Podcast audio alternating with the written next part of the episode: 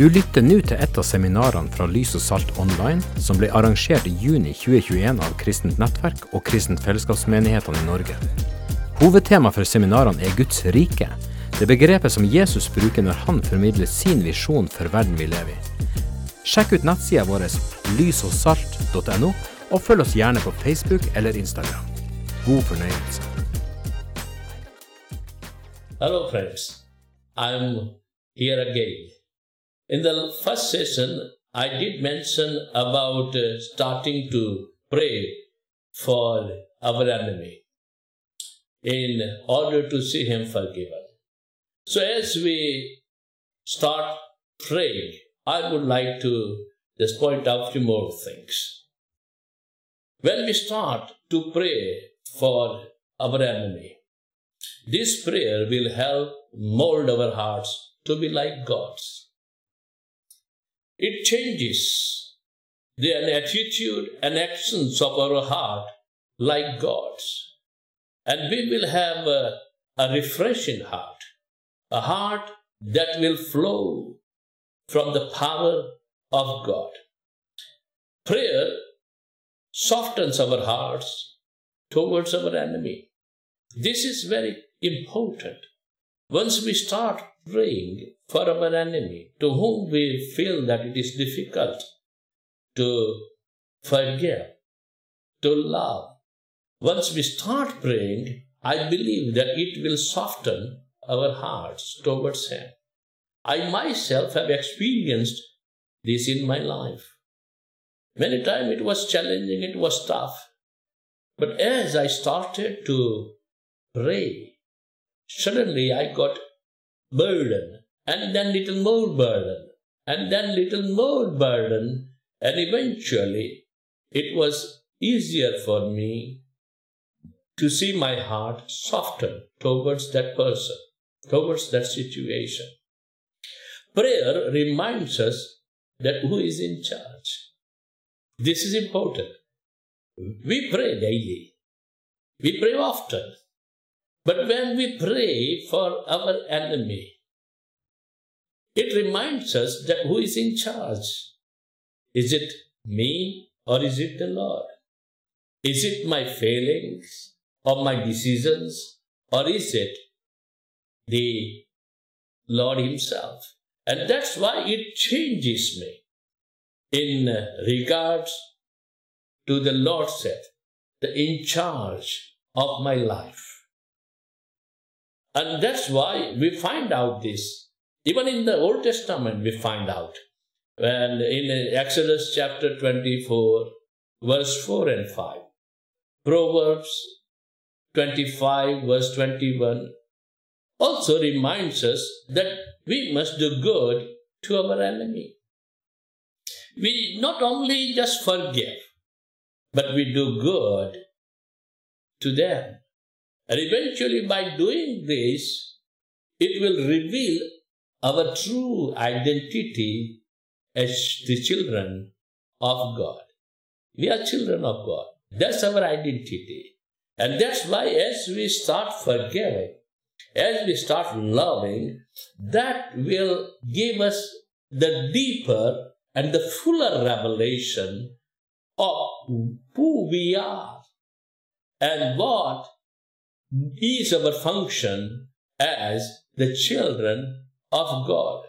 And uh, once we start praying and we start acting, eventually we realize that by doing so, we become distinct from the world. We are in the world, but we are not of the world. That's where we will get distinct from the others around the world. We also will be able to live consistently with our glory destiny. We won't be sidetracked or distract.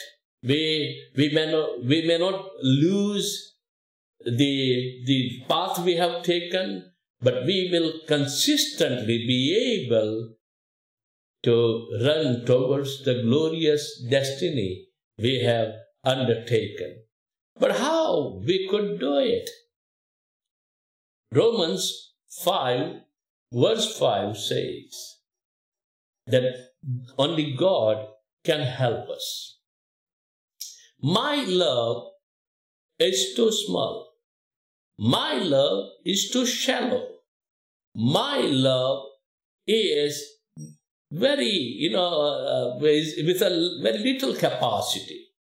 But the scripture says, as I mentioned, Romans 5 5, that with his love we could do it. When his love is flooded in our heart, when his love is flooded in our spirit, when his love is flooded over our personality, the whole being, with his love, we can do it. With his love, this is possible. With, with His love, this can get easier.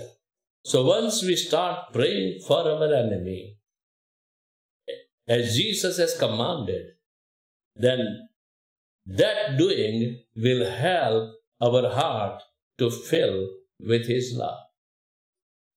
Once we start praying, then what happens? And follow the commandment to love our enemy, forgive our enemy. Then once we do it, what happens? It will fill our hearts and makes us to love Him as we love God. Because we don't only love God, but we take God alongside in order to love Him. I can give you one more example of myself. This was almost uh, 40 years ago. Neelam and I were in the city of Bangalore. Uh, I think we were about 21 years of age at that time. And both of us were undergoing a particular training. And when we went out there, we were the only students from the northern part of the country. The rest of them were from a particular region of this down south India. So 99% of the students were from that region. They used to speak their language. They used to, uh, you know, study according to their culture and their setup and their community life. And we were just the, you know, from the northern part. So uh, it was uh, a big challenge for both of us. And uh, many times it looked like uh, that uh, there was a little uncomfort. And as we continued the study, we were doing good. And then eventually something happened. One day, the director of the school, the training director, called me and uh, he told me that there is a complaint against me. I said, What was the complaint? He said, We want to send you out of this training because you were speaking uh, something bad about our culture and about, uh, about our social setup and about uh, our traditions. This was a Christian institute. I was shocked and surprised as well. And it is true that, you know, we were observing and it was a little bit, you know, difficult to adjust with, but we never spoke a word. And because of that, I was uh, asked to leave the institute. And if I wanted to continue, then I had to just write a letter of forgiveness, an apology letter that I have I have to admit it that I did it, and I would seek the uh, forgiveness from the students, and then I would be forgiven and allowed to continue the study. And uh, Neelam was at home, and I was just, you know, alone in the office. It was a big shock for me. The crime that you have not committed, the mistake that you have never committed, and uh, out of the way suddenly you know something comes on the road somebody made a point out of that somebody just uh, you know created something and uh, It was very, very difficult. I just sought the Holy Spirit. And the Holy Spirit said, Love as I have loved you. Forgive as I have forgiven you. And uh, I just spoke immediately and I said, Okay, tell me what to write. And he, he just, you know, asked me what to write. The director, I wrote down everything. Wrote a written apology, sought the forgiveness from all the students and from the authorities.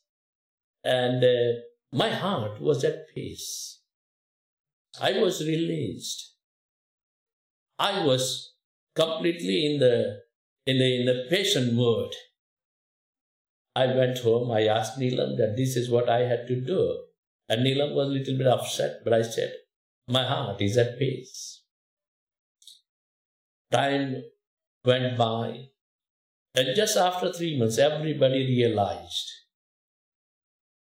that what I did on that day changed the way of their thinking, change the way of their friendship, change the way of their lifestyle. And eventually we grew together. And after this 40 years, many times we met. And together we just declared the glory of the Lord for each other. We praise God. Yes, it was tough. It was challenging. It was impossible. But I'll tell you one thing that when you do it, not depending on your strength, when you fill your heart with the flooded love of the Lord, you take that love as a loan. You fill your heart with His love, you could overcome. With His love, you could just, you know, be able to forgive. With His love, you could bear. With His love, you could be at peace. And that's why, that's what we learn from Romans 5 and 5. Once we start praying for our enemy, as Jesus has commanded, then in doing that, we definitely see our heart being filled with this supernatural love. Now, here two things we can notice. One is incomplete love, the other one is complete love. Incomplete love means loving only certain people who do me good. That's very easy. That, but that's not complete. This is incomplete. Because it is easy, those who do me good, with whom I am comfortable with me, those who favor me, it's easy for me to love. But that is not the complete love. That is incomplete love, which allows me to love to only the certain people. What is complete and perfect love? Complete and perfect love means loving everyone. Those do me good or those who harm me, those who hurt me, those who curse me. And this is what we can learn. Jesus taught, I think in Matthew chapter 5, verse 46, that the tax collectors love only to those whom they loved. In Matthew 5:47, we just you know read that Gentiles greet only to those who are from their own group. We can't be like that. We are the people. We are the generation.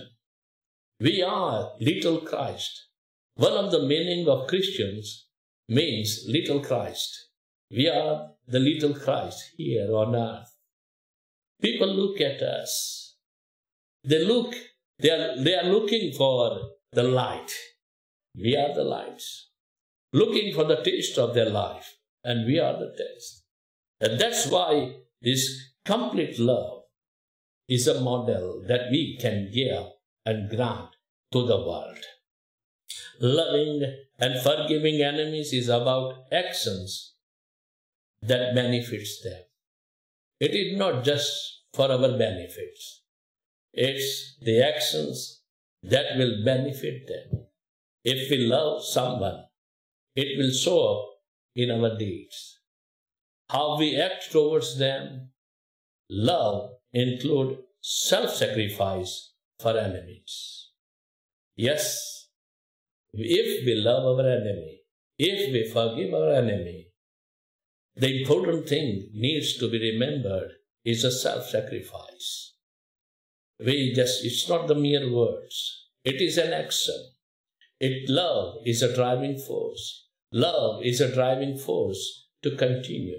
Love is a driving force to move ahead. Love is a driving force which shall benefit our enemies to come alongside in order to see the whole world filled with the glory of God. I'm so privileged to talk to you and encourage you to forgive your enemy, love your enemy, in order to shape up the new future of the world. The world is still lovable. The world is still changeable. The world is still could be a peaceable where you could establish the peace forever. The world could be beautified. The world could be glorified. Yes, that's what we could say when we start functioning in the power of the love of Christ. My friends, I would like to pray for you. Father, thank you for your love. And that love gets flooded in our heart, in our spirit, by your Son, Jesus Christ. With your love, I am going to move forward. With your love, I am going to love. With your love, I am going to forgive. With your love, I am going to change. With your love, I am going to expect. With your love, I am going to start the new world. The world of love. The world of peace. The world of joy. The world of glory of the Master. Thank you. Thank you once again. We give you glory for such a wonderful love. In the mighty name of Jesus Christ, we ask. Amen.